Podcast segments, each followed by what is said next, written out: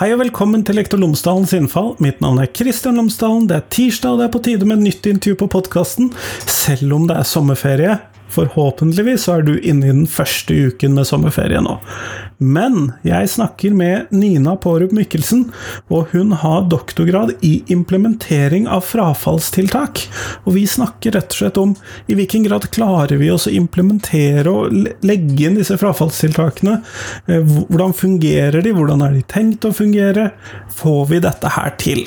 Så kan man jo si nei, det får man ikke til, men kanskje vi får til noe. Det får du høre når vi snakker med, sammen med Eller jeg snakker sammen med Nina Porup Mikkelsen. Vi snakker sammen, eh, så får du høre mer om dette. Ellers, podkasten er som alltid sponset av Cappelen Dam Utdanning, og hvis du går inn på skolen.cdu.no, så finner du alle de ressursene som Cappelen Dam Utdanning har laget i forbindelse med fagfornyelsen i grunnskolen. Alle temaer, alle fag, alle årstrinn, alt sammen, det finner du på skolen.cdu.no. Så er det mulig at arbeidsgiver allerede betaler for at du har tilgang, eller så kan du prøve en sånn prøveperiode, det er jeg sikker på at de har nå midt i sommerferien. Det finner du på skolen.cdu.no. Vær så god. Her kommer selvfølgelig intervjuet med Nina Parup Mikkelsen.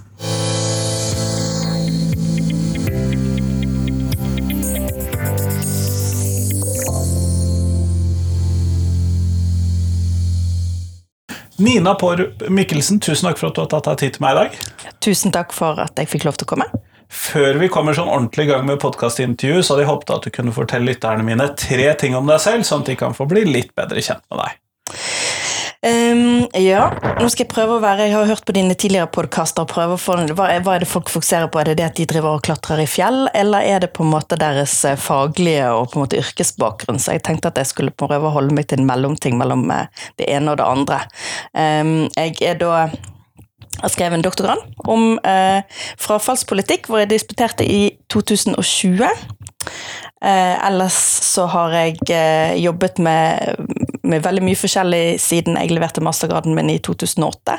Jeg startet i Kunnskapsdepartementet en del år, og så har jeg jobbet på Universitetet i Bergen og på HVL, i tillegg til å ta en doktorgrad.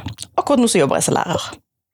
Kjempeflott. Det hørtes ut som en uh, god CV for å prate om det vi skal prate om her nå. ja, vi får se. uh, vi skal jo prate om frafall, nettopp det du har skrevet doktorgrad om. Men når vi da snakker om frafall, hva er det du forstår med det begrepet? Eh, ja, så da er jo spørsmålet, Skal vi gå ut fra sånn for formelle definisjoner, eller skal vi på en måte se på litt sånn hva jeg, hva jeg på en måte tenker om, om frafall? Um, for altså, jeg har jo ikke skrevet en oppgave om frafall per se. Jeg har skrevet om hvordan politikken, den nasjonale politikken blir mottatt og satt i verks på lokalt nivå, altså i skolene. Ehm, så på den måten så har jeg på en måte ikke gått inn i diskusjonen om hva jeg mener om frafall, og hvor mange år man skal bruke etter eh, eh, på å bli ferdig, og utvidet rett og voksenrett. Alle disse tingene her har jeg ikke gått inn på i avhandlingen helt bevisst, for det kunne da blitt et helt annet spor. Det er et politisk tema i seg selv. Det er det absolutt. Så, så derfor så har jeg på en måte valgt å se på politikken, og sett på hvordan Eh, lærerne og elevene mottar og forstår politikken som eh, nasjonalforvaltningen da på en måte setter i gang. Så eh, den, for, du forholder deg egentlig bare til de definisjonene som ligger der, og den forståelsen som ligger der? Det, gjør jeg. Det tar utgangspunkt i akkurat den forståelsen som på en måte er på en måte gitt av, av Kunnskapsdepartementet, som er vel nå bestått innen fem år etter grunnskole og seks år for yrkesfag. Nettopp, nettopp. I motsetning mm. til Danmark, som ofte bruker ti år, tror jeg. som de har. 25 etter, 25 år etter. Ja, mm, 25 år etter grunnskolen har de. Så de får et helt annet tall enn det vi da gjør i Norge. Ja, det får du da. mm. Og det gjør vi hvis vi bare hadde plusset på fem år i Norge òg. Så ville vi fått et langt høyere tall. Så dette er jo, som jeg mener, en helt annen, veldig omstendelig og interessant diskusjon, men som jeg ikke har gått inn i avhandling. Noen burde potensielt skrive en egen avhandling om differansene mellom tallene her? Det tror jeg kanskje har, det, Om det ikke har blitt gjort, så har det i hvert fall blitt gjort noen artikler om det. Så, så, det er jo spennende. Men du har jo da levert et prosjekt som du sier, om denne politikken og hvordan den forstås. Men kunne du si noe mer om dette prosjektet ditt? Ja. Jeg var da en del av et større forskningsrådsprosjekt sammen med tre veldig dyktige forskere, damer alle tre, hvor vi fikk uh, Eh, penger til å kunne se på eh, politikk mot frafall. Og så lagde jeg mitt eget prosjekt innenfor eh, hovedprosjektet sine rammer. Og da eh, så jeg da på altså, Enkelt sett så har det blitt sagt at jeg har skrevet om frafall. Eh, riktig er det på en måte jeg har skrevet om hvordan nasjonal politikk utformes i skjæringspunktet mellom utdanning og velferd, og da med frafall som case. Ja, fordi at det, norsk skolepolitikk, eller antagelig all skolepolitikk, er jo vanskelig fordi at du kan ha nasjonale retningslinjer som må settes ut i praksis ute hos 180 000 forskjellige aktører med veldig forskjellig bakgrunn og grunnlag og geografi og eh, i det hele tatt. Så det, det stemmer absolutt. Så, ehm, så eh, det som jeg syns var interessant, er jo at eh, historisk sett så har ikke um, Eh, utdanning generelt blitt sett på som et velferdstema, verken politisk eller, eh, eller forskningsmessig. Det er jo litt spesielt. og det syns jeg også er litt synd, for da mister man på en måte en viktig dimensjon. Og så er det også det at tiltakene f.eks. mot frafallet, som går på en måte å fange opp elever som ikke har det så, så bra i skolen, ofte blir da på en måte utdannings tiltak. Eh, og noe av det som på en måte var tanken min, var hva er det det skyldes? Er det vanskelig å komme inn i, i utdanningssektoren? Er det på en måte eh, Er det utelukkende sånn at, eh, at, man skal på en måte fokusere på eh, eh, grunnleggende ferdigheter og tiltak som på en måte gjør en tryggere og bedre i skolen, som f.eks. Ny GIV da, i, i utdanningssektoren, men kan man da ikke på en måte eh, ha eksempel på, på, tiltak som kommer utenfra og inn, initiert av f.eks. Barne- og familiedepartementet, altså velferdssektoren utvidet. Da. Um, for på en måte å hjelpe kunnskapssektoren eller utdanningssektoren med dette som problem. Og Da begynte jeg å gjøre litt sånn eh, undersøkelser om finnes det tiltak fra andre sektorer enn utdanningssektoren som på en måte har som mål å minske frafallet. Og da, ehm, og da tok jeg for meg to sånne Eh, ja, for du typer. fant noen sånne tiltak? Jeg gjorde det. For det var ikke en selvfølge for meg at du ville finne det. nei, nei, det er faktisk et godt poeng. Og i hvert fall ikke et nasjonalt tiltak. Men det fant jeg da, og det het Losprosjektet. LOS-prosjektet. Ja, det tror jeg jeg har hørt om. Ja, det ble initiert av eh, det som da heter het Barne- og familiedepartementet. Nå heter det nok litt utvidet dette med noe kirke involvert. Men det er departementet som har med barn og familie Barn og familie, under Audun Lysbakken så var dette et prosjekt som ble satt i gang. Og da var målet rett og slett eh, å, å, gjøre det enklere og bedre for unge som sleit med, eh, med både skole, men òg i eh, I resten av livet, kanskje? Ja, rett og slett. Eh, har på en måte kontakt med barnevern eller har sosiale utfordringer på andre ting, så de trenger en person til å hjelpe de å på en måte koordinere. Den såkalte mentoren. Så, så, så jeg litt på hvordan dette tiltaket ble satt til livs da, i de ulike kommunene som dette ble satt i gang i. Dette var ikke landsdekkende dette det var et var bare, nasjonalt tilbud, det, men ikke et landsdekkende tilbud. Det stemmer. Ja. Så det var utvalgte kommuner dette her ble satt i gang i. Og Da så jeg litt på hvordan man valgte å gjøre det, bl.a. når man valgte å legge det i kunnskapssektoren. Hvordan ble det da mottatt og tilbudt og implementert? Og når man da la det til eh, bydelsadministrasjonen, f.eks. Um, og, da, og da kunne man få en liten idé om um, at hvordan tiltak som kommer gjennom kunnskapssektoren, kanskje blir bedre mottatt i skolen fordi det kommer fra kunnskapssektoren, selv om du fokuserer på litt andre ting enn skole. Likevel så så, så man òg på en måte at, eh, at, når man da skulle gå ut og, og sette eh, tiltaket til livs etter prøveperioden, så var det vanskeligere i skolesektoren. Rett og slett fordi man har på en måte så strenge økonomiske rammer i, i skole og, og kommunesektoren sant? når det kommer til skole i rammer osv. Så, videre. så Så da så man f.eks. at de som hadde tatt samme tiltak knyttet opp til allerede eksisterende strukturer, eh, kunne legge det litt sånn utekontakt, sette det på utvidet tilbud osv., fikk til en bedre ordning kunne få det til å leve òg etter prøveperioden var over. da. Så det var liksom litt hvordan på en måte den nasjonale intensjonen ble forstått og implementert på ulike måter lokalt. da. Eh, så, så mens det var i skolesektoren kanskje var etter intensjonen, så lykkes det ikke fullt så godt som man hadde på en måte tenkt. Det er jo litt interessant, for man kunne jo mm. se for seg at alt som hadde med frafall og elevers ve og vel osv. ville potensielt leve best i skolesektoren, drevet av skolesektoren? Ja, det, det er et veldig godt poeng. Eh, samtidig så har jo ofte fokuset vært i skolen at eh, det du skal holde på med i skolen, er skole. Og så har du enten hatt på en måte den læreren som tenker at lærerrollen er et utvidet mandat, den inkluderer på en måte det sosiale aspektet ved elevene i tillegg. Men så har du òg andre som mener at de skal få lov til å fokusere på det faglige, og at andre må ta seg av. Jeg skal være lærer, og det er det jeg er, jeg er ikke sosialarbeider. type linje. Nettopp. nettopp. Så det var på en måte en del av det andre jeg så på. Det var på en måte uh, det med andre yrkesgrupper inne i skolen. Miljøarbeiderrollen inne i skolen, og hvordan den ble mottatt opp mot lærerrollen. Hvordan lærerne syntes at dette fungerte, og hvordan miljøarbeiderne syntes dette fungerte i ulike skoler med ulik struktur. Så, um, så det, ja. Det var spennende begge deler, men uh, ja. Nettopp. Men hvis jeg forstår deg riktig, så er det komplisert å få til denne typen eh, tiltak da, der ute i alle disse utallige lokal, lokalitetene ute i samfunnet, at det i seg selv har noen problemstillinger. Forstår jeg deg rett da? Eller er det mer en sånn eh, Dette er terrenget vi har. Eh, ja, eh, jeg tror du har rett på begge måter, eh, rett og slett. Altså, et av hovedfunnene i avhandlingen har jo vært at, eh, altså at nasjonal politikk når det kommer til skole, er vanskelig å få til.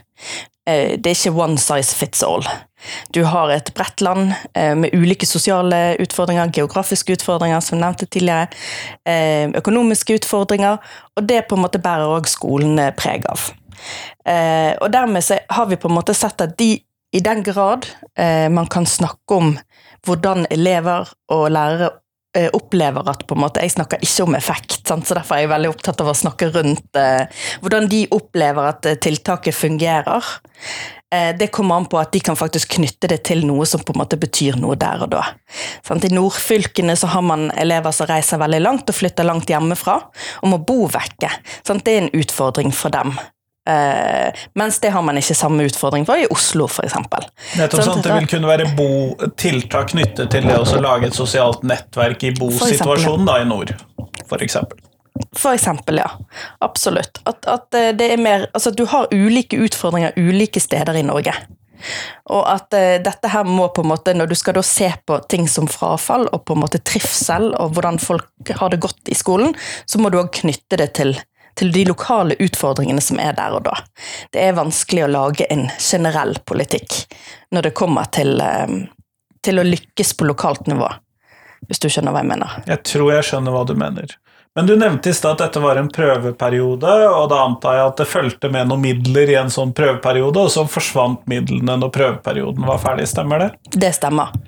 Det, det var det som, var, som, som viste seg å være utfordringen. Da var jo at I skolesektoren så er det vanskelig å få midlene til å utvide sånne prosjekt videre, fordi at man ikke har løse midler i samme, i samme grad som man har i andre, i andre sektorer. Ting er ofte bundet opp sant, i klare rammer.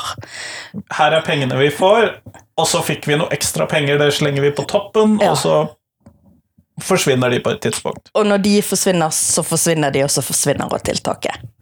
Og det er litt utfordringen når det kommer til eh, Det finnes lite frie midler, er min oppfatning, til å kunne på en måte videreføre sånne tiltak. Og det var i hvert fall det på en måte informantene kunne, kunne si, da. At det, var, det fungerte fint, men det likevel eh, Pengene tok slutt, og da tok på en måte tiltaket slutt.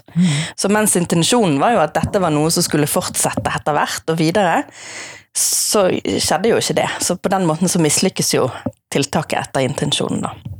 Skjønner, skjønner. Men du nevnte jo dette her med miljøarbeidere. Hvordan hørte de inn i dette her? Eller de var da informanter i forskningsprosjektet? Eh, ja, altså jeg kan jo si litt sånn eh, generelt om på en måte det metodiske som vi har på en måte tatt utgangspunkt i her. Ja, det kan være nyttig. Det, det tenker jeg kanskje kan være veldig nyttig for. Altså dette her er, er Jeg har basert min avhandling på 51 kvalitative semistrukturerte intervjuer.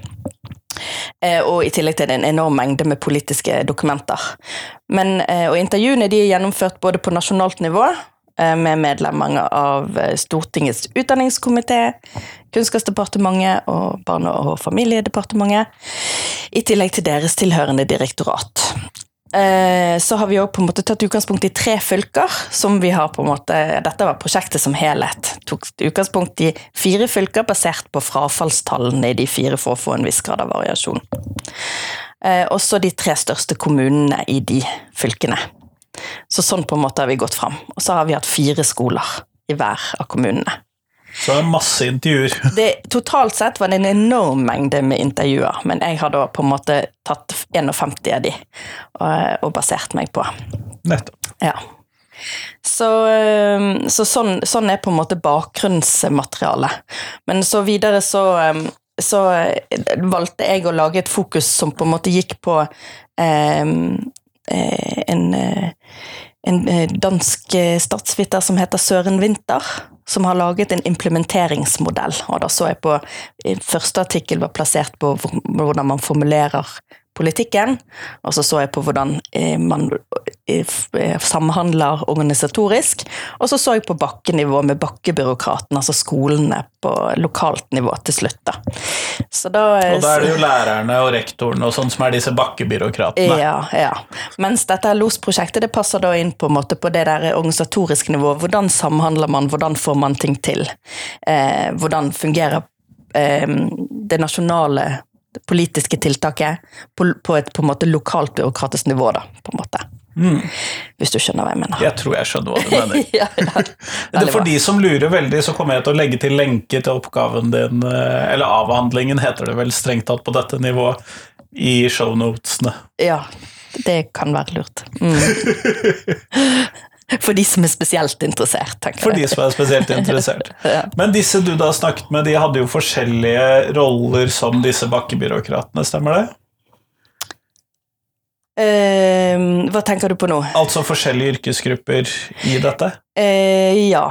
Eh, men det var ikke så mye fullt deg, på en måte Det var, det var litt sånn rettferdiggjøringen av sin egen praksis eh, eh, som, ble på en måte bakkebyråkratbenevnelsen her, da. Skjønner, skjønner. Så, men Men øh, øh, øh, De ulike altså skolene, der var det eh, altså Jeg så jo på mange ulike skoler i et stort eh, Geografisk område, rett og slett? Ja, rett og slett. Og da har du store lokale forskjeller på hvordan eh, Det tviler jeg ikke på. Nei, rett og slett. Både på elevene, men òg på en måte hvordan lærerne jobber.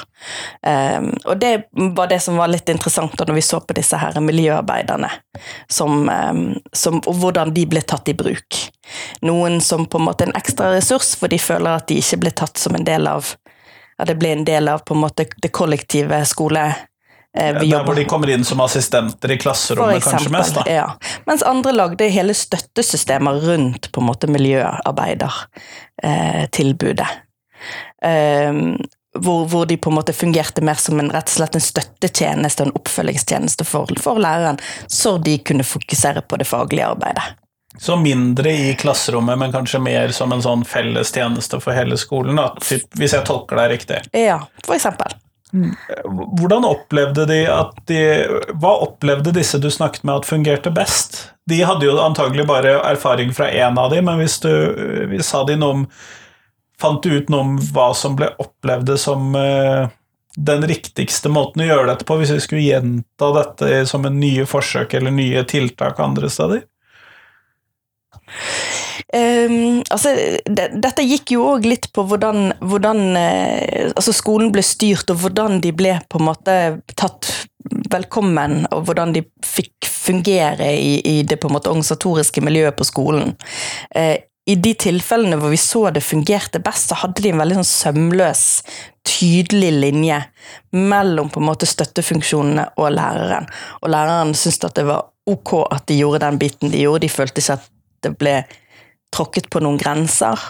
Og da var det på en måte tydelig ledelse ovenfra som på en måte la de linjene, da. Og det er kanskje viktigere enn akkurat hvordan de gjorde det. Nettopp. Det er rett og slett, tror jeg, at det er et, et, et, noe som kommer fra, fra ledelsen og blir på en måte satt i gang på en god og um, glidende måte på, eh, som, som, man aksepterer både som lærer og som eh, eh, miljøarbeider. Og på begge måter føler seg på en måte anerkjent i sitt arbeid.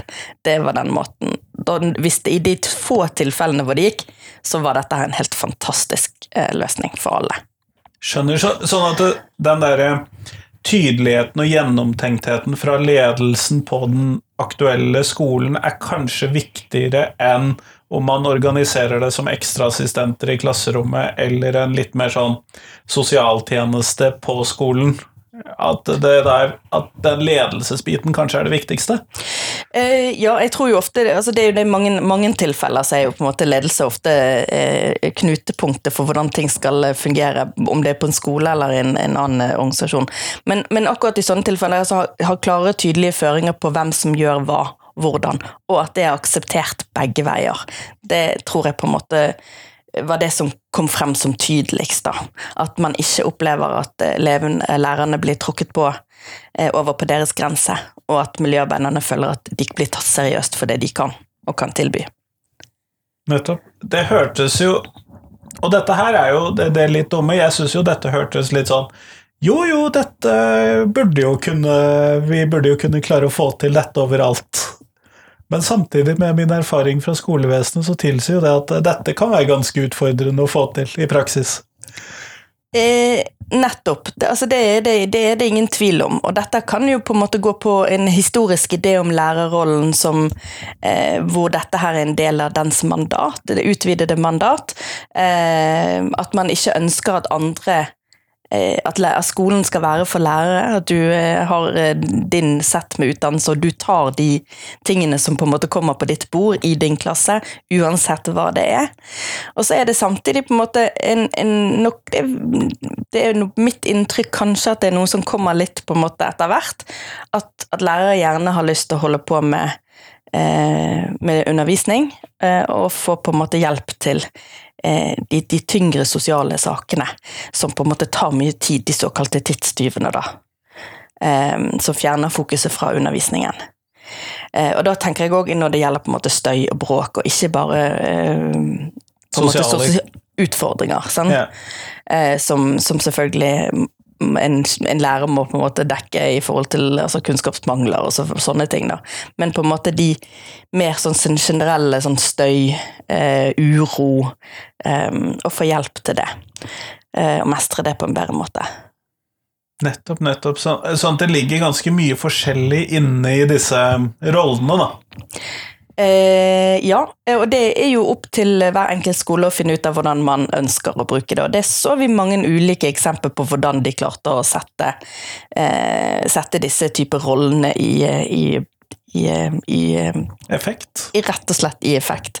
Noen brukte en miljøarbeider mer som sånn politifunksjon, som gikk rundt og holdt inspeksjon i mellomtidene og sendte lapper om eh, anmerkninger, anmerkninger, og. Og sånne ting. Ja, noen bruker det på den måten, mens andre bruker det litt mer som sånn at eh, hente folk ut som har behov for noe annet. Nå har du behov for litt pause.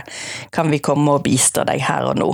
Så det, det finnes jo mange, mens andre arrangerte frokost. Eh, Eh, på morgenen eh, og leste avisen og lagde quiz og hadde kanskje noen i store friminutt osv. som på en måte kunne avlaste litt der for de som ikke helt fant sin plass ellers. Så eh, da igjen, da tror jeg på en måte nøkkelen ligger hos å se hva den enkelte skoles behov er. Har du på en måte mange som går alene, så kan det være en, en god en god måte å gjøre det på, rett og slett? Ja, å ha en sånn type felles frokost for folk inn i skole, ja. Og det vil jo kanskje, også type felles middag, det har jeg også hørt om fra andre steder, kan jo kanskje være særlig der hvor man har mange hybelbeboere, f.eks. Eh, ikke minst. ikke minst. Jeg har, jeg eh, har hørt masse om, eh, om, folk som har felles frokost og kan komme til havregrøt klokken halv åtte. Og at det er veldig mange som gjør det. Ja. For på den måten å få en god start på dagen.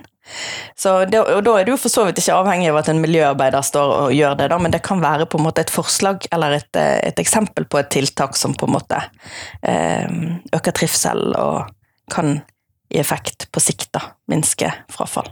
Men der hvor øh, Dette høres jo veldig ut som skoleinitierte prosjekter. Der hvor disse prosjektene kom utenifra gjennom andre aktører. Du nevnte utekontakt og sånn i stad. Mm. Eh, Ga det andre måter å prøve å hindre frafall på enn disse skolevariantene, eller var det mer at de kom inn i skolen og tilbød dette? Eh, altså det, det, det var nok på en måte altså Kunne være eksempler på begge deler, men altså noe av det som eh, Når det ble koblet til utekontakten, var jo veldig ofte at dette skjedde på ettermiddagstid. Nei. På fritidsklubber osv. At, eh, at man fikk eh, eh, lagt tilbudet i tilknytning til ettermiddagsaktiviteter. Eh, og på den måten kunne fange opp elever som på en måte eh, kanskje trengte litt hjelp, eller eh, med lekser osv. Um, Det høres ut som ulike grupper elever blir truffet av disse tiltakene. Eh, det, det er nettopp det, og det var noe av det jeg syns er, er fascinerende her. da, er jo Hvordan man klarer å sette det i effekt på de ulike stedene på best mulig måte ut fra individuelle behov, eller de behovene man ser at man har. da. Er man på østkant Oslo? Er man i eh, Stavanger-området? Er man på en måte på vestkanten av Oslo? Eller er man i, i Nordland? Så, så har man ulike behov som man må se på. Og da er det litt vanskeligere med den på en måte generelle intensjonspolitikken, som ikke alltid treffer like tydelig lokalt. Nettopp. Jeg, jeg, jeg hadde jo et lite håp om at du nå kunne fortelle meg at uh, dette var sånn man burde implementere frafallstiltak. Og så, uh, hvis vi bare gjorde det alle sammen, så ville vi ha løsninger for det. Men jeg, jeg hører jo at dette kan ikke du fortelle meg. Eh, nei, men altså på en måte så tenker jeg at vi var på god vei med eh, program for bedre gjennomføring som avlyste, avløste, ikke avlyste, avløste Ny GIV. Eh, hvor det på en måte var et større fokus på de lokale tiltakene. Så der mener jeg at, at der var vi faktisk på riktig vei. Hva var dette for noe slags prosjekt? Nei, det, det var rett og slett etter Ny GIV, når vi da fikk ny regjering og fikk eh, Torbjørn Isaksen, Røe Isaksen inn som kunnskapsminister. Ja, for Ny GIV er et eh, Arbeiderpartiet, SV og Senterpartiet-prosjekt, og så kommer dette som et sånt Høyre, Frp osv.-prosjekt. Eh, ja, det stemmer. Venstre var vel med der òg. Og, og tok over og, og gjorde det mer fleksibelt. Eh, tok erfaringene fra dette, men, men samtidig så hørte man jo veldig lite om det. Det ble liksom bare Ja, for Ny har jeg hørt om, dette har jeg ikke hørt om. Nei, sant? Det, det var på en måte eh, vi, vi tar erfaringene fra Ny og, og lager et nytt. Så, og på en måte min det, det, det var jo spennende, en spennende idé, og det var mer sånn erfaringsbasert. Hva fungerer, hva ikke fungerer. Det var bl.a. effektstudier for hva, hvordan ser du at dette fungerer der og da. Det er jo strenge regler i forhold til uh, å utføre en effektstudie. Um, men, Særlig på elever. Særlig på elever. Ja, nok sikkert, ja. Uh, og, og, da, um, og da kunne man òg se på lokale praksiser. Da, så se på en måte, Det var litt mer sånn erfaringsbasert deling. Men, men samtidig så hørte man jo veldig, veldig lite om dette, da. I motsetning av Ny GIV, som var jo et enormt prestisjeprosjekt. Um, Med de fordeler og ulemper det har. ja, men jeg tenker jo at, eh, at uh, eh, som vi snakket om veldig kjapt før vi satte oss ned her nå, så har du på en måte metodikken fra Ny GIV som mange lærere har fått lov til å, å, å ta med seg videre, som nok sikkert hjelper eh, mye i dagens skole og i møte med, med elever med utfordrende behov. Det som var på en måte utfordringen med Ny GIV, var jo igjen da at det var et utelukkende skolefaglig tiltak. Ikke der hvor det var sosiale behov. Nei, nei. Så det, det var jo det som på en måte for meg gjorde jo at det selvfølgelig har det, det har hjulpet antageligvis eh, tilsynelatende mange elever som har slitt med grunnleggende matteferdigheter osv. Spesielt i matematikk har jeg forstått at det har vært, um, har vært stor hjelp. eh, Spesielt for lærere å ta i bruk med ny metodikk.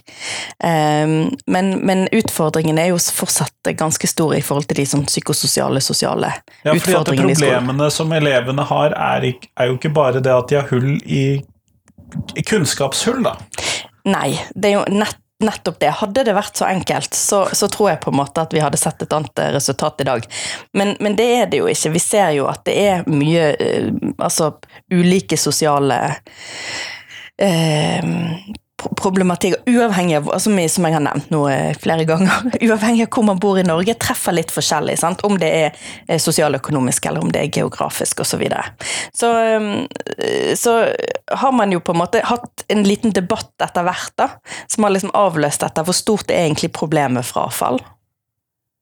Ja. Sant? Er det så stort som man har snakket om? Um, Hvis man har hørt på politikerne, så har det i hvert fall vært veldig stort. Ja, sant? og det, det er det jo ingen tvil om. Og så er jo på en måte Hva er fokuset her? Er det å få de fortest mulig gjennom på kortest mulig tid? Så kanskje det har vært et problem. Eh, at de ikke har klart å fullføre på, på fem år. Eh, når du plusser på de ytterligere fem årene som vi nevnte innledningsvis, så får du et helt annet tall. Er det, er det fordi vi har dårlig tid, er det et samfunnsøkonomisk problem, dette her, eller er det et faktisk problem? Så det er jo, det er jo, det er jo mye, mye mange, ja. mange perspektiver som må inn i det. Men ut ifra det du da har sett på og jobbet med i dette arbeidet, er det noen sånne ting som du tenker at hvis jeg som politiker nå skulle kommet med et nytt sånn frafallsprosjekt Hvis jeg skulle lansere det store frafallsprosjektet, er det noen sånne ting som du tenker at jeg burde tenke på, eh, ta høyde for, eh, ta stilling til, ta med inn i dette når jeg da skal eh, sende dette nedover og ut i den store verden, sånn ut ifra det du har jobbet med? Oh, det var et eh, fantastisk eh, spennende spørsmål. Et jeg ikke har forberedt deg på, da, så det er jo litt slemt. Ja, men, nei, men jeg tenker at det, det, er en veldig spennende øvelse å gjøre, da. Men eh, altså, jeg tenker jo noe av utfordringen ligger i den silotankegangen som er innebygget i, i kunnskapssektoren. Sant? Det er at det går på eh, Når det går på skole, så går det på, eh, som vi snakket om, hull og mangler i grunnleggende ferdigheter. Jeg tror at hvis man skal se på frafall, som jeg nevnte innledningsvis, så må man se på frafall som et velferdsstatlig statlig problem. Og det inkluderer andre sektorer. Så jeg tror at eh, og dette her er jo et spørsmål som mange forskere og statsvitere bruker uendelig masse tid på uten å klare å finne ut av. Hvis du kaller frafall et wicked issue Dette med å få sektorer til å snakke sammen på tvers få det til altså Forstå at frafall er ikke utelukkende et skole, eh, skoleproblem, men det er faktisk en utfordring. Er det en samfunnsøkonomisk utfordring? Ja, det kan man jo være enig om at det er, men hvor viktig er den samfunnsøkonomiske utfordringen i det store det hele? Men på en måte, for å få en politikk som fungerer, så må man snakke sammen. Eh, på tvers. Og det tror jeg er lettere sagt enn gjort. Altså det, det krever eh, fire nye doktorgrader for å finne ut av, tror jeg. Eh, så, så det, det, det, kan jeg på en måte ikke kan jeg på en måte ikke løse selv etter jeg har på en måte jobbet i Kunnskapsdepartementet, så er jeg veldig veldig klar over hvor vanskelig det er å få til ting på, på tvers.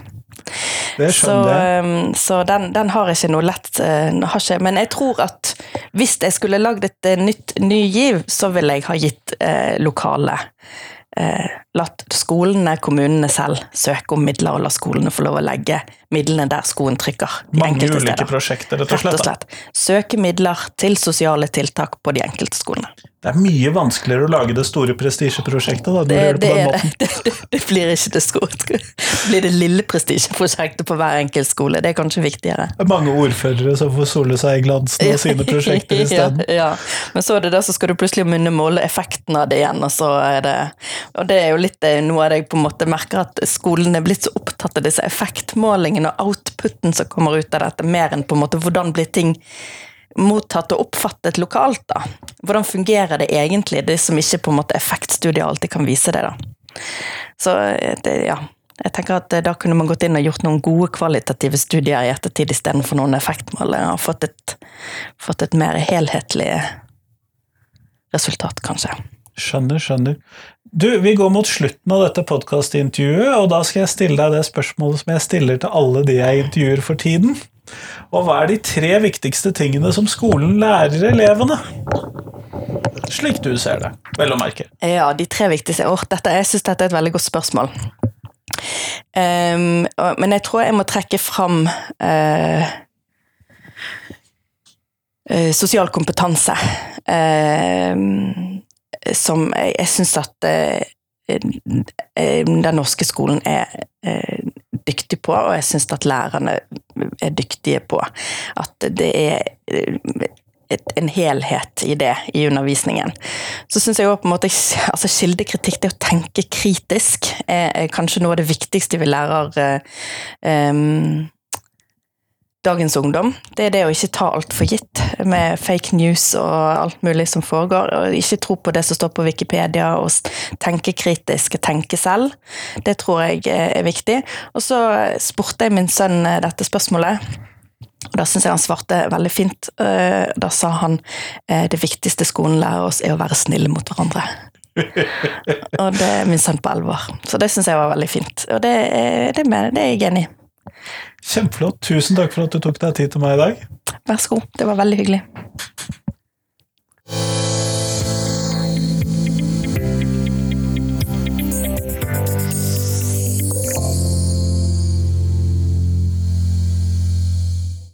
Tusen takk til Nina, og tusen takk til deg som hørte på.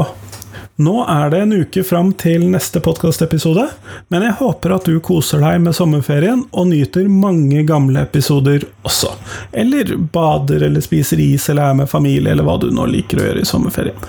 Selv har jeg faktisk ikke sommerferie ennå, fordi at jeg denne uken så skal jeg på religionsforskerkonferanse i Cork. Det er en del av jobben min nå som jeg er blitt stipendiat, og da man ikke bare går man ned i lønn, men man går også ned i hva skal vi kalle det, sommerferie. I mangel av et bedre sammensatt ord. Sånn at eh, religionsforskning på meg, ferie på deg, håper jeg, og så satser jeg på at vi høres om en uke. Hei, hei.